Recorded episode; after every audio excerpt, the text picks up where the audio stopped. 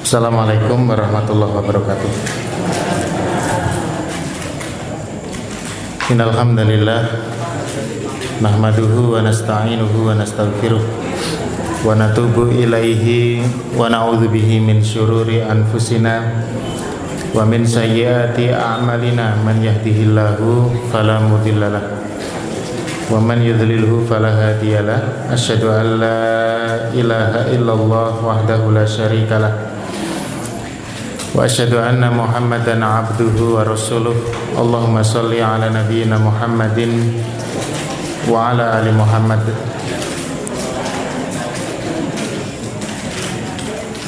Wa qala ta'ala ya ayyuhalladzina amanu taqullaha haqqa tuqatih wala tamutunna illa wa antum muslimun.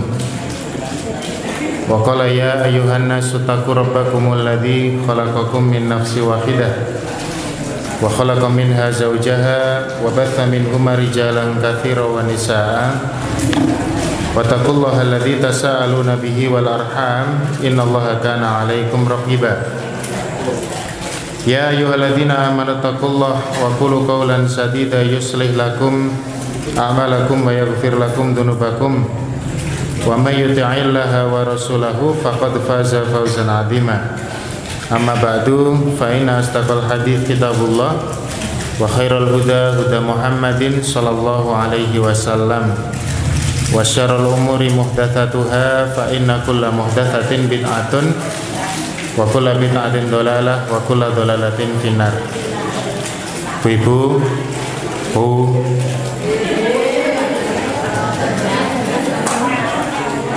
Bapak-bapak, saudara sekalian yang berbahagia Alhamdulillah kesempatan malam hari ini Napa orang itu wedang to kok rame menit ini? Kon kita bisa berkumpul kembali dalam majelis ilmu untuk membahas satu persoalan yang sangat penting di dalam Islam yaitu masalah akidah. Dan kajian kita mengacu kepada buku atau kitab Matan Akidah atau Hawiyah karya Imam Abu Ja'far atau Hawi. Kemarin kita sudah mengkaji pada sampai mat, pada matan yang ke-18 sekarang kita masuk pada matan yang ke-19 ya. Pada matan ke-19 Imam At-Tahawi mengatakan bahwa Allah Subhanahu wa taala menentukan takdir untuk hambanya. Jadi malam hari ini sedikit nanti mungkin akan kita lengkapi pada pembahasan matan yang berikutnya tapi malam hari ini kita akan membuka kajian kita tentang masalah takdir ya, atau kodok atau kodar. Kalau dalam bahasa hadis uh, antuk mina bil kodari ya, kodar khairihi wa syarrihi baik yang baik ataupun kodar yang buruk. Takdir itu dalam bahasa kita. Ya. Hadirun hadirat rahimakumullah Ketika kita bicara tentang rukun iman yang keenam ini Mungkin kalau kita belajar di masjid-masjid, di majelis-majelis ta'lim Itu adik-adik kita disuruh menyebutkan dan menghafal rukun iman itu rata-rata mereka hafal. Dan tidak ada yang menggugat satupun. Rukun iman ada enam. Iman kepada Allah Iman kepada malaikat Iman kepada kitab-kitab Iman kepada rasul-rasul ya. Iman kepada hari akhir Iman kepada takdir ya, Atau kodok dan kodar Tetapi hafalan yang mungkin kalau di tempat kita itu begitu fasih dilantunkan oleh adik-adik kita itu kalau jenengan tindak atau mencoba untuk bertanya kepada beberapa teman kita yang belajar di bangku kuliah khususnya yang mereka mengambil jurusan usuluddin. Orang Solo sebagian meleset ke usuluddin dengan uculuddin. Dinnya diuculi. Mohon maaf kalau ada yang alumni jurusan usuluddin atau kuliah usuluddin mohon maaf. Ini kasuistik ya itu ternyata yang namanya rukun iman nomor 6 ini pernah digugat keberadaannya. Jadi tahun 90 menawi panjenengan memperhatikan dan mengikuti berita-berita nasional seputar perkembangan akademik di dunia perguruan tinggi muslim eh, maaf perguruan tinggi Islam sebut saja IAIN waktu itu belum ada UIN ya. itu ternyata populer sekali. Pengurangan rukun iman yang keenam ini sehingga rukun iman itu hanya ada lima. Kenapa sampai seperti itu? Karena yang yang mempropagandakan bahwa rukun iman itu cuma lima yang keenam itu tidak perlu itu adalah orang yang punya makom punya posisi yang sangat dihormati di kalangan para akademisi terutama buat mereka yang berada di lembaga-lembaga pendidikan tinggi yang bernama IAIN saat itu. Meskipun alhamdulillah setiap ada sesuatu yang nyeleneh di Indonesia ini selalu para ulama alim yang masih lurus itu tidak tinggal diam. Tidak tinggal diam. Meskipun resikonya kadang-kadang ketika dia menanggapi sesuatu yang nyeleneh itu resikonya justru malah ada. Dengan mungkin familiar dengan nama Profesor Dr. Harun Nasution. Ini termasuk salah satu penggagas berdirinya IAIN di Indonesia. Sebetulnya saat itu Indonesia punya dua kader sama-sama yang sama-sama diharapkan jadi kader-kader yang lurus begitu tapi ternyata menghasilkan dua sosok yang berbeda. Ada Profesor Dr.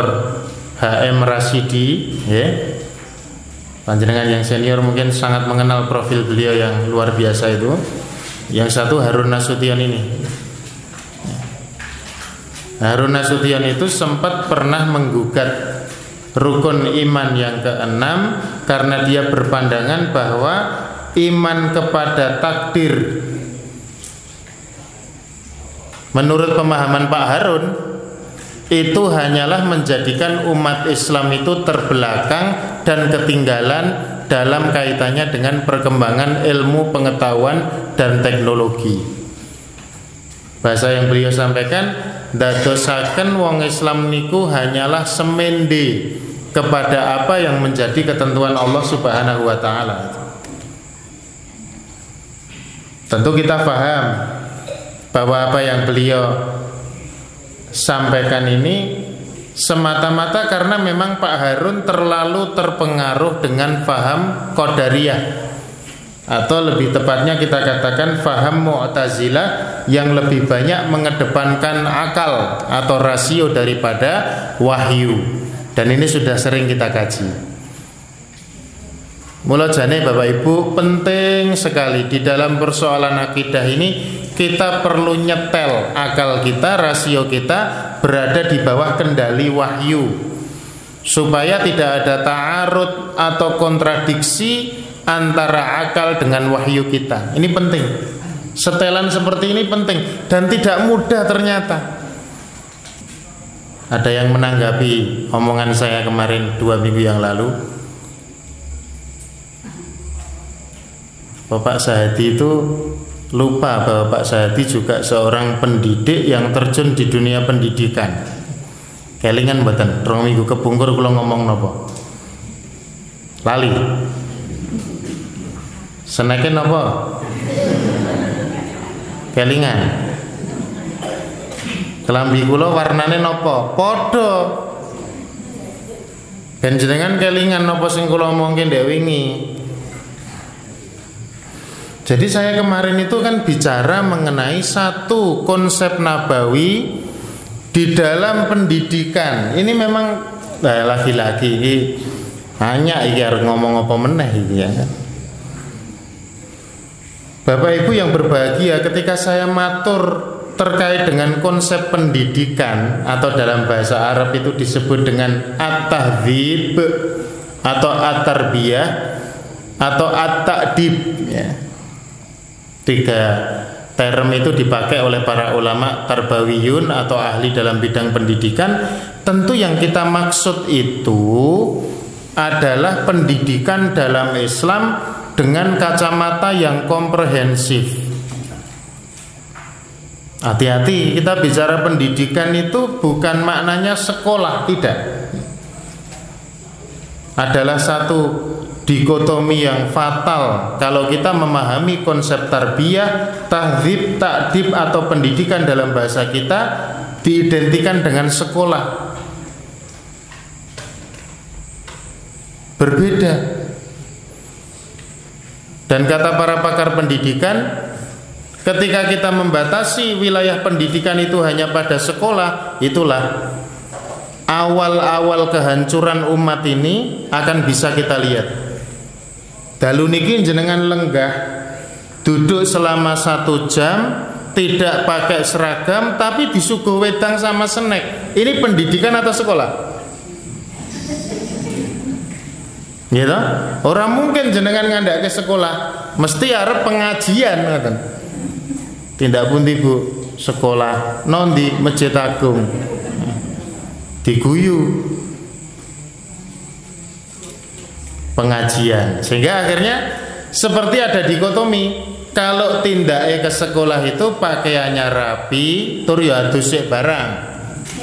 Nah lagi kan ora pate adus to jenengan? Soalnya adusnya mau sore. Seragam rapi membawa alat tulis. Nah ini cirinya kan apa yang disampaikan oleh guru itu setiap kata direkam, kalau tidak direkam menggunakan otak, direkam menggunakan tulisan karena itu sekolah. Maka ada istilah bangku sekolah, ada istilah rata umangan sekolahan, masya Allah. Gitu. Oh, mari iki rata umangan sekolahan, mau lulusan SD ngoten. Ini ini kurang pas sebenarnya ya. Itulah yang disebut oleh para pakar pendidikan dengan satu virus yang namanya schoolism. Sekolahisme. Itu virus. Loh Bapak Sahdi pura sekolah? Oh saya menempuh pendidikan Pendidikan saya sampai S3 Sempurna ijazah saya SD, SMP, SMA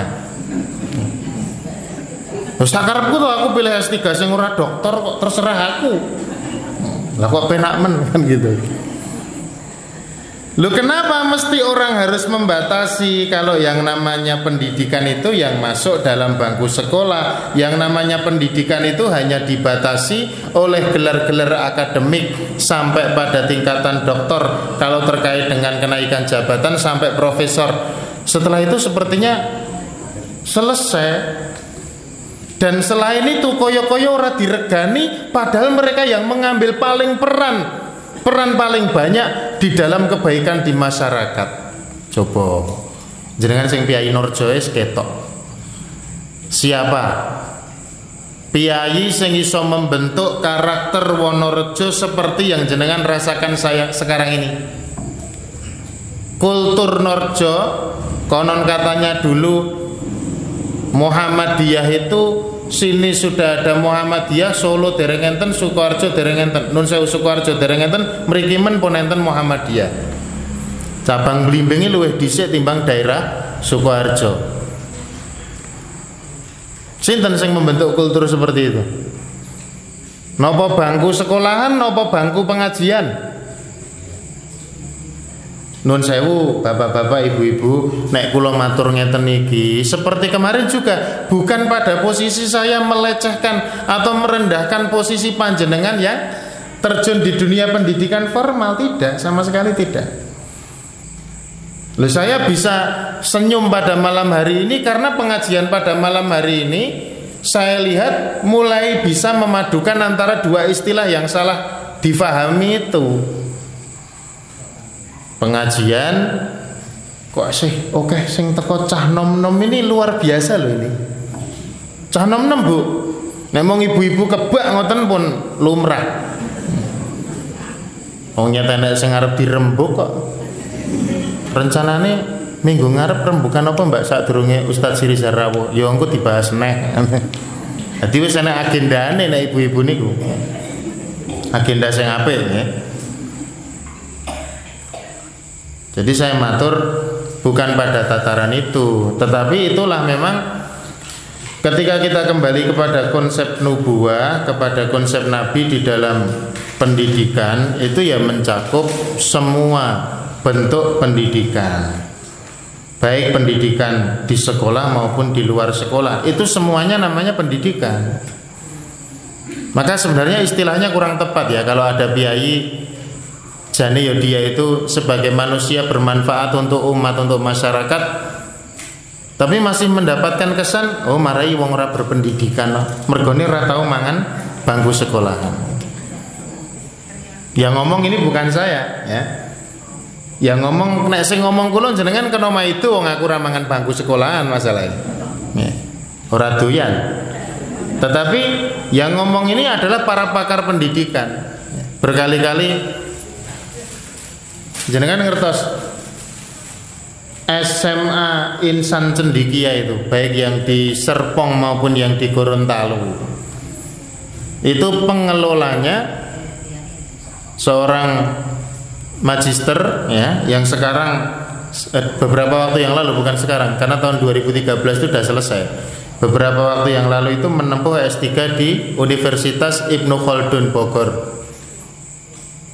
Jadi saya ngelola insan cendikia sing nek daftar niku cah ngewu sing ditompo pinten Bu? Mesti rong enak sing daftar kirono. Dereng nggih? Sing daftar kirono ora rawuh ketoke. ribu pendaftar yang diterima hanya 300 anak beasiswa full dan anak-anak yang diterima ini memang betul-betul anak yang cerdas saya setidak-tidaknya pernah mengajar beberapa anak ketika dia di Sanawiyah dan kemudian diterima di Insan Cendikia. Tiga anak itu. Saya Masya Allah jadi mulangi gurune rong ngasih buka buku dheweke wis ngerti apa sing arep diulangke. Luar biasa itu. Cah Norjo kabeh. Bae yo pinter-pinter. Mula manggon Norjo rada rong suwe ngono kok ketularan pinter ya alhamdulillah. Aku ya. Sing ngomong niku sinten? Dosene pengelola insan cendikia itu. Pak Dokter Adian Husaini ini. Seorang dokter, seorang pakar peradaban yang dalam belajar itu tidak linier.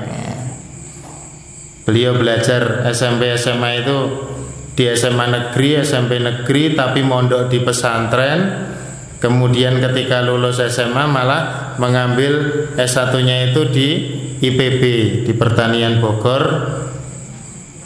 kedokteran hewan. S2-nya di peradaban di ISTEC di Malaysia, International Islamic University of Malaysia sampai gelar doktor diambil di sana. Mana enam renek sing sekolah? Putrane 6 renek sing sekolah. Neng ojo dicontoh ra sekolah itu lho nggih. Tapi dia diberi pendidikan. Diberi pendidikan. Beliau mencontohkan misalkan putra beliau yang kelas 6 SD itu punya kelebihan dari sisi fisik tapi dari sisi kognitif kurang begitu bagus.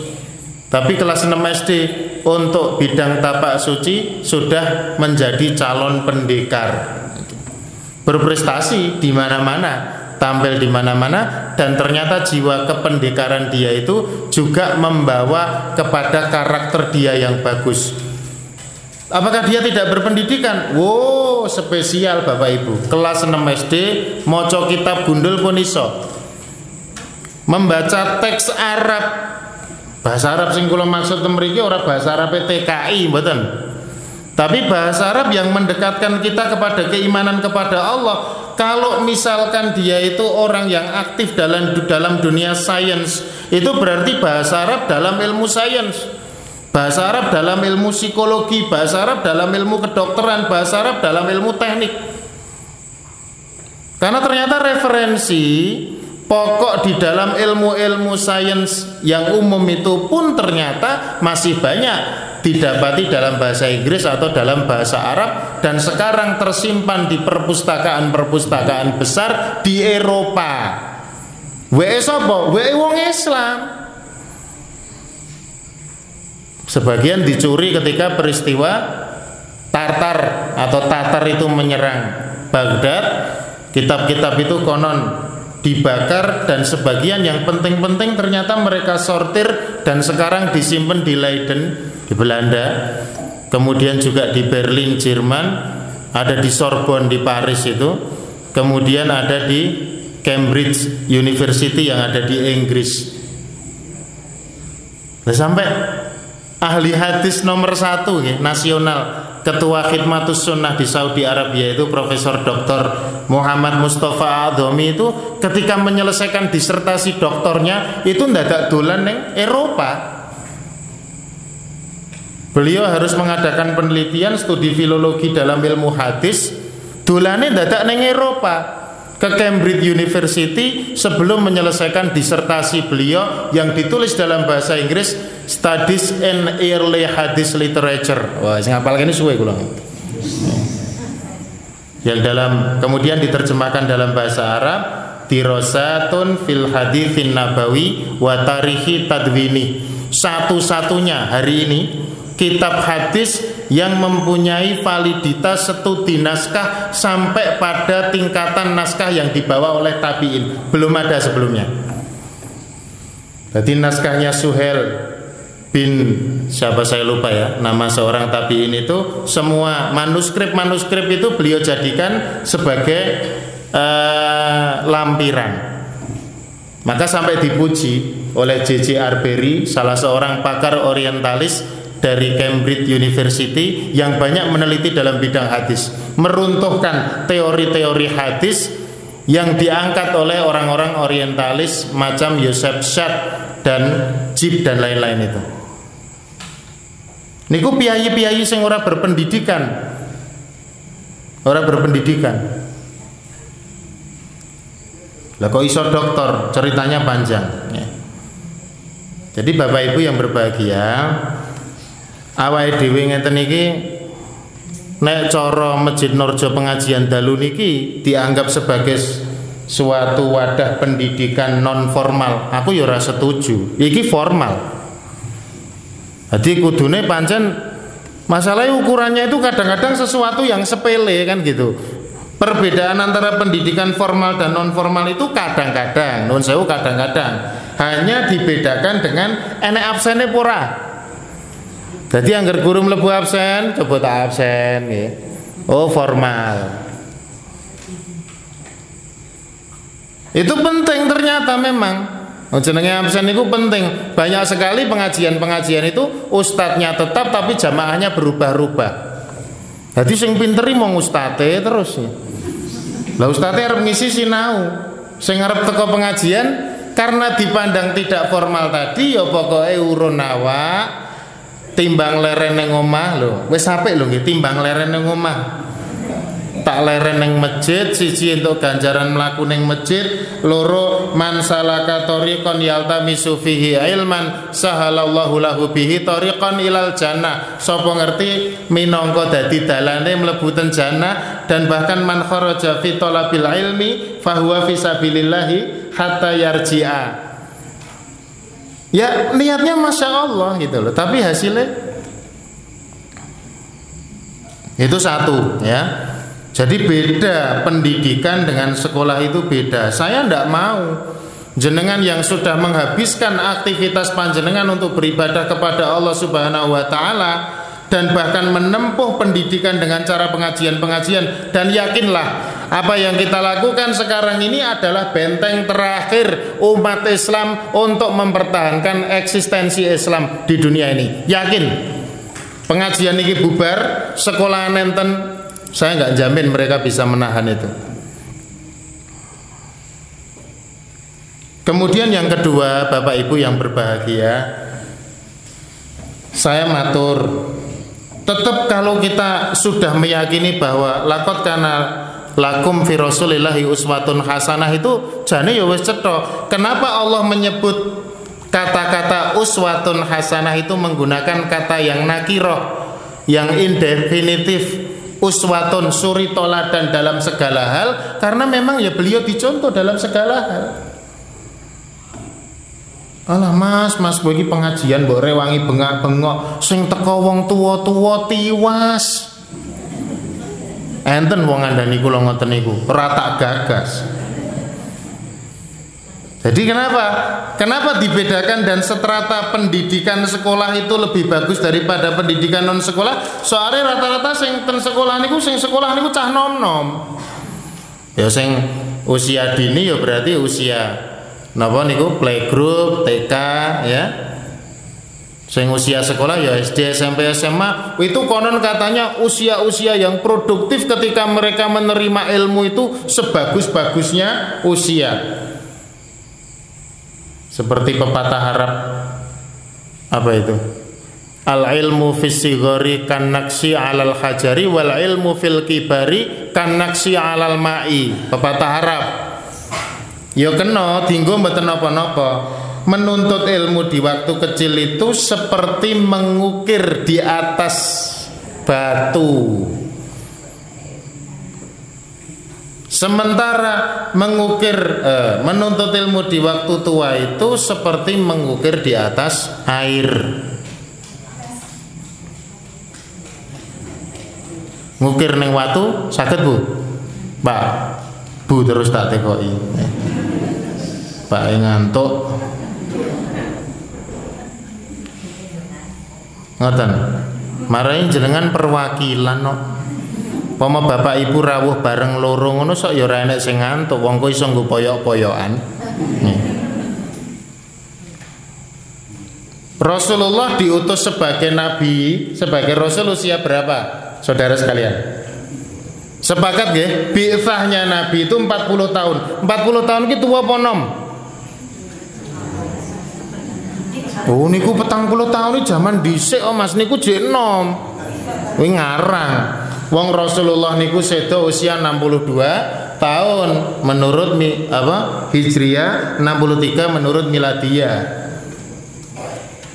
Jadi bodoh tuh jane yusmone kali kulon jenengan. Sahabat-sahabat Nabi itu usianya banyak yang lebih tua dari Rasul. Tapi kenapa mereka yang menuntut ilmu pada masa tua itu mereka menuai kesuksesan dan barokah? Maka poro bapak dan poro ibu malam hari ini saya matur bahwa makom panjenengan posisi panjenengan di hadapan Allah tidaklah ditentukan berdasarkan usia. Pepatah tadi tidak salah. Kalau kita terapkan dengan kemampuan standar seorang anak dan seorang tua ketika dia menghafal satu matan atau menghafal satu pelajaran. Mungkin betul. Ada seorang bapak usianya 53 tahun baru sadar akan ilmu, rajin setiap pekan dua kali mengikuti pengajian-pengajian di masjid. Kemudian ketika dia pulang datang ke musolanya di kampungnya, apa yang dia pelajari di masjid-masjid itu rakitang nunak-nunuk ditulis. Sampai kadang-kadang nulis niku tekan rumah diwacane aku mau nulis sapa ki rali. Ya saking wis 53 tahun mari. Ustadznya ngomongnya kecepetan dan sebagainya mungkin Tapi apa yang sedikit itu berusaha dia gali, besok ketemu ustadznya lagi ditanyakan kula ndek wingi niku nulis poin niki kesupen niki maksudnya napa to ustadz? Diterangkene terus kelingan. Besoknya disampaikan di musola tempat dia tinggal yang kecil itu. Sing midangetaken di musola itu ya keluarganya, ya tetangganya, ya karib kerabat yang tinggal di sekitar dia, juga masyarakat yang lain Subhanallah. Ternyata ilmu bapak tua Yang usianya 53 tahun Sing mong sinau Orang yang bangku sekolah Mong orang nganggo bangku Itu ternyata memberikan manfaat kepada orang lain. Itu yang disebut dengan ilmu yang barokah itu begitu. Il, ilmu nafi ilmu yang bermanfaat itu ya seperti itu okay?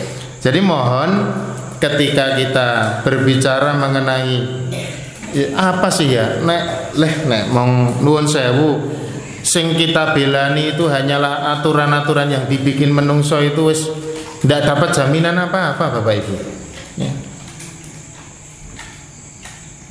Ya, tuntutan zaman memang menuntut kita untuk sekolah di bangku pendidikan formal sehingga mendapatkan ijazah SD, SMP, SMA, S1, S2, S3 betul. Tapi itu semua kalau tidak dimanfaatkan untuk kemaslahatan umat nonsen tidak ada manfaatnya. Wis rasa sekolah.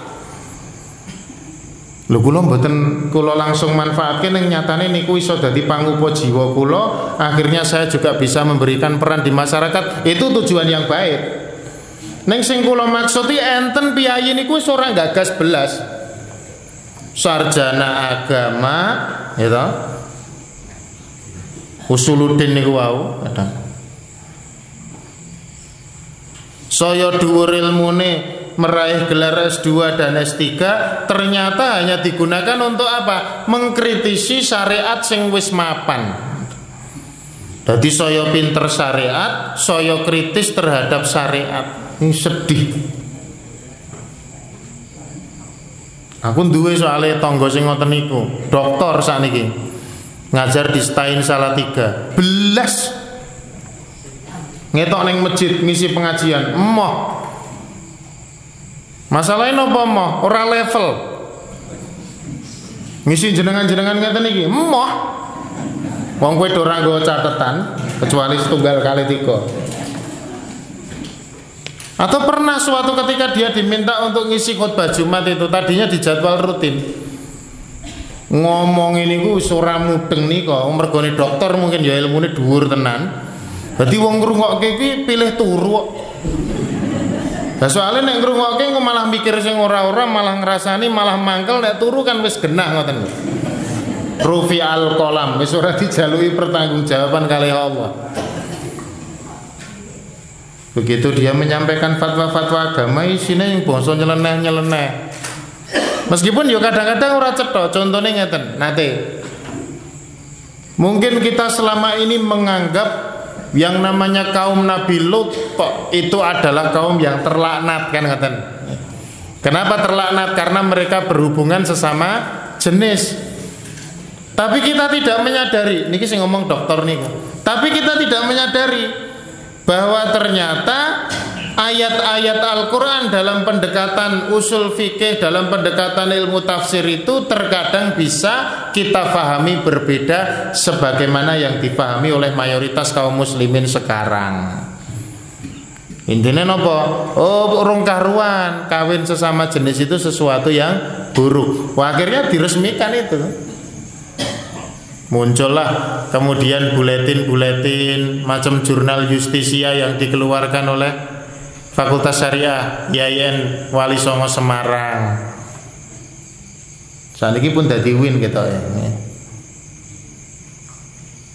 Menetapkan bahwa ya ini wow muncul kelompok-kelompok Islam yang mereka ahli syariat, para profesor, para dokter mendukung LGBT.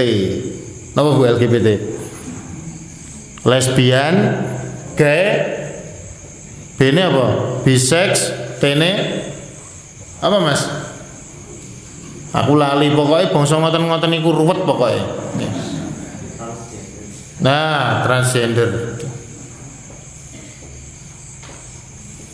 coba sekarang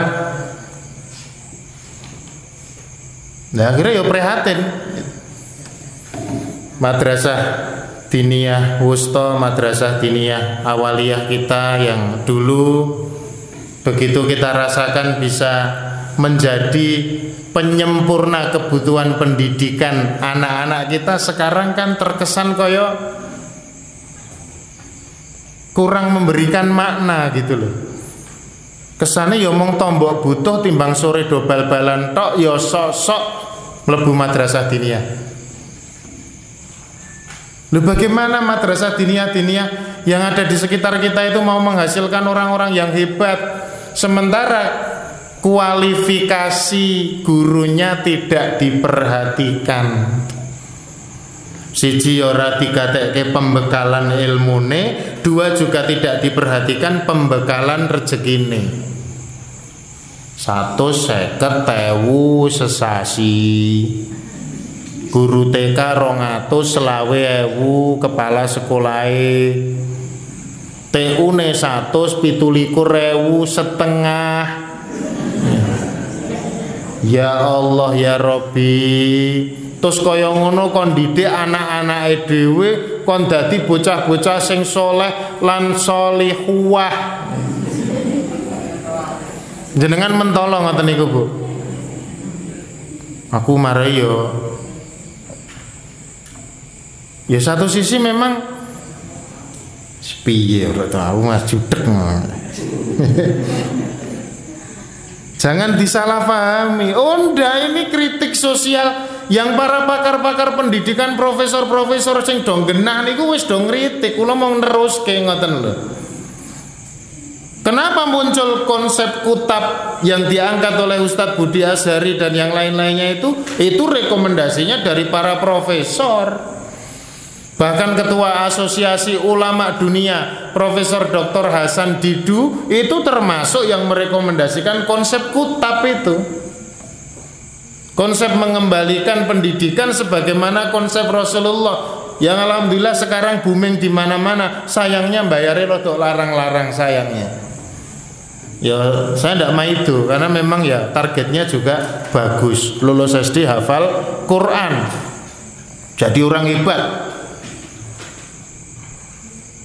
Orang kalau paham siapa Profesor Dr. Hasan Didu sudah dia itu berasal dari satu negeri yang negeri itu tidaklah melepas anak-anaknya untuk belajar di SD kecuali setelah dia hafal Quran.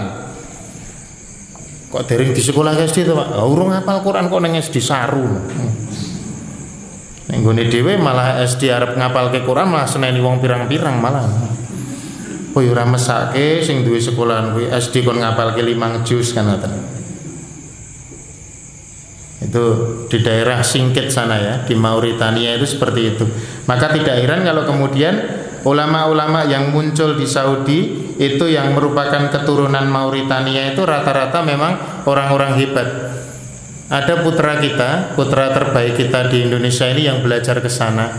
Sekarang masih dalam tahapan belajar itu ketika dia mengirimkan posting pembelajaran di sana masya Allah ngoten wong semono mbane sing do SD kudu ndadak hafal Quran iku ya ora enek sing keluwen niku ya nek sing lemu kaya kula nyet ya jarang. Soalnya lemu ngeten iki ora pawaan pinter jare. Mung jenengan gelem ngrungokke omongan kula niki alhamdulillah kan ngoten jadi demikian Bapak Ibu yang berbahagia rahimakumullah, para sahabat Nabi itu banyak yang sudah sepuh-sepuh. Rasulullah sendiri memulai takdib dan juga tahzib dan juga tarbiyah beliau itu pada usia bi'thah itu setelah usia 40 tahun tapi itu tidak menghalangi. Ya kita kembali ke kodok dan kodar. Malah tekan berikung ya eh, sedikit kita mencoba memahami definisinya. Jadi kodok niku nopo, kodar niku nopo ya. Kodok niku dari bahasa Arab dari huruf kof, dot, alif, hamzah, kodoon dari kata kerja kodo yakdi. Qadha nek qadar niku ya qaf dal nggih, qadar. Eh, para ulama mengartikan begini. Ini di antara pendapat-pendapat ya. Qadar itu adalah ketentuan Allah Subhanahu wa taala pada zaman azali. Zaman azali niku zaman sing tidak diketahui kapan bermulanya. Kita menyebutnya azali.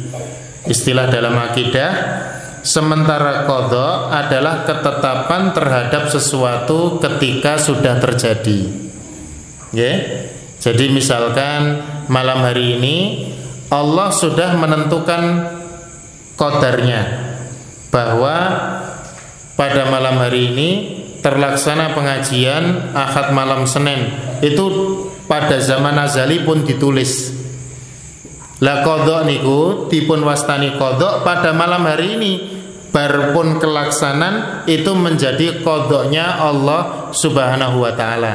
Sebelum terjadi namanya kodar sehingga menurut sebagian ulama kodar itu mendahului kodok. Tapi dua-duanya harus ada. Ya. setiap sesuatu yang dikodarkan atau ditakdirkan oleh Allah nanti akan terwujud dalam bentuk kodok. Meskipun nanti juga ada di kalangan para ulama yang membedakan dengan bahasa yang terbalik. Tapi ini pendapat yang lebih kuat intinya ngeten para rawuh kodok kodar niki kalau dia disebut terpisah itu berarti maknanya sama. Nopo sesuatu yang ditulis oleh Allah Subhanahu wa taala pada azali pada masa yang tidak diketahui awalnya. Niku iso disebut kodar sakit dipun sebut kodok kalau disebut sendiri-sendiri tapi kalau disebutnya itu bareng berarti keduanya itu maknanya berbeda itulah yang berlaku dalam kaidah bahasa Arab idza istama'a iftaroko wa idza iftaroko istama'a istilah niku nek ngumpul dadi siji niku berarti maknane beda. Nek nek madeg dhewe-dhewe niku berarti enten maknane dhewe-dhewe. Contoh, gampangane ya. Ada Kiai Haji Ahmad Dahlan. Istrinya sinten, Bu? Siti Walidah. Ya. Ketika disebut Dahlan dan Walidah maknanya adalah kedua-duanya adalah orang soleh yang berjuang untuk Islam melalui Muhammadiyah. Tapi ketika disebut Dahlan sendiri, maknanya dia adalah pendiri Muhammadiyah. Ketika disebut Walidah sendiri, dia mewakili Aisyah. Tapi nek disebut bareng, berarti loro-loro ku maksudnya berjuang neng Muhammadiyah. Mula enten para anggota Muhammadiyah, Aisyah, ora perlu ngono kuwi. Triwulan ngoten niku nggih. Anggota Muhammadiyah yang saya hormati maksudnya ya Muhammadiyah lan ortom-ortomnya ya. Tetapi nanti kalau disebut itu bareng, nah itu nanti perlu dijabarkan masing-masing. Ini terkait dengan makna kodok dan koter. Jam songo kurang telulas. Nah kemudian yang berikutnya ini juga yang penting ini nah, saya ambil saja dari buku kita buku guru kita Profesor Yunahar Ilyas kuliah akidah Islam. Jadi rupanya Mudah-mudahan cukup ya 13 menit ini untuk memahami kodok dan koder niku memang rumit ya. Kita paham di sana paling tidak wonten dua kelompok yang berseberangan paham, satu kodaria, satu jabaria.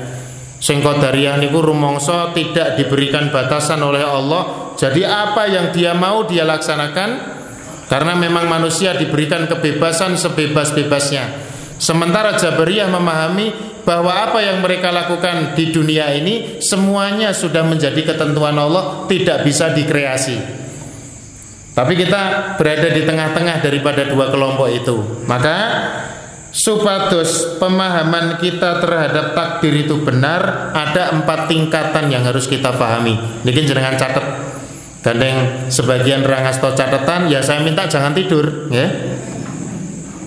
Kau kelelekan kacang lo. Ya. Pak Tuto ngoten kacang kula nika kula kan ngedum ben ngantuk. sak jam tok lho Bu sak jam. Nggih ngoten men jenengan nek mulang lari-lari ngantuk jenengan seneni neng SD sekolah aku ngantuk. Lan jenengan pengajian yo ngantuk jari Pak Sahadi. Yang pertama al ilmu ah ini kemarin sudah kita kaji. Jadi pada saat kita mau memahami takdir disetel otak kita ini disetel bahwa di sana ada tingkatan yang Allah itu menguasai itu yaitu al-ilmu maka Allah mengetahui sesuatu yang belum terjadi dan mengetahui sesuatu yang sedang terjadi dan mengetahui sesuatu yang sudah terjadi. Semuanya tidak luput satupun dari ilmu Allah. Hamba arpendo jenengan liar sedilok wau menit kepinten ngoten Allah kan metani niku iso. Sing pertemuan-pertemuan pengajian malam Senin sing gaene sare, gaene ngantuk. Nun sewu nggih niku kenikmatan ora tak penging mboten. Mong kula nyeritake contoh ngoten. Engko terus jenengan kapok ora. Itu Allah Subhanahu wa taala mangertosi. Nanti bisa dibuka dalilnya ya. Satu di surah Al-Hajj ayat 70 alat alam ta'lam annallaha ya'lamu ma fis sama'i wal ard Apakah kamu tidak mengetahui bahwa sesungguhnya Allah mengetahui apa yang ada di langit dan di bumi? Atau di Al-Hasr ayat 22 yang sering kita baca juga, ya. E, sebagian ditulis saja ayatnya atau di Al-An'am ayat 59. Ya, ini dalil al-ilmu. Yang kedua, dalam memahami takdir ada satu tingkatan yang harus kita yakini yaitu al-kitabah. Kitabah niku maknanya apa, Pak? Kata bayak tubuh kitabatan maknanya apa? Nulis. Allah Subhanahu wa taala mengetahui dan telah menuliskan segala sesuatu itu di Lauhil Mahfud. Lauhil Mahfud itu papan yang terjaga. Jadi kados Android ngeten iki ya. Sabak papan yang dia bisa menyimpan memori yang banyak sekali. Tapi tentu bentuknya tidak seperti ini. Jadi tertulis apa yang Allah Subhanahu wa taala tetapkan itu semuanya ter tertulis. Dasarnya sama dengan yang tadi Al-Hajj ayat 70 juga cuman ada tambahan ayatnya innadzalika fi kitabin. Sesungguhnya pengetahuan Allah Subhanahu wa taala yang di langit dan di bumi itu semuanya dituliskan. Jadi ilmu yang kedua al-kitabah ditulis. Yang ketiga al-masyiah, karep kehendak. Setelah Allah mengilmui, kemudian Allah menuliskan itu, Allah berkehendak, namanya masyiah. Kalau Allah tidak berkehendak, yora ya tadi tidak terjadi. Kalau Allah sudah menghendaki tidak ada siapa pun yang bisa menghalangi kehendaknya. Dalilnya kita lihat surah Al-Insan ayat 30. Wa ma tasyauna illa ayyasha Allahu innallaha kana aliman hakima. Dan kamu tidak akan mampu untuk berkehendak kecuali kalau Allah menghendaki. Sungguhnya Allah Maha Alim dan Maha Hakim bijaksana. Atau At-Takwir juz 30 nih sudah kita hafal ayat 28 dan 29. Dan yang keempat yang terakhir adalah al-khalqu. Dibaleni meleh. Kelingan mboten? Al-ilmu, al-kitabah, al-masyiah, yang keempat al-khalqu. Menciptakan. Berilmu, menuliskan, berkehendak kemudian Allah mencipta. Maka kita ini dinamakan makhluk karena kita ini sesuatu yang dicipta. Penciptaan kita ini tertulis di dalam lauhil mahfud dan mencakup sudah dicakup oleh ilmunya Allah dan kemudian juga Allah menghendaki penciptaan kita. Ini dasarnya panjenengan bika mangke wonten surat Az-Zumar. Surat ke-39 ayatnya 62 Allahu khaliqu kulli syai' Lajeng surah Al-Furqan ayat 2 As-Saffat ayat 96 ya.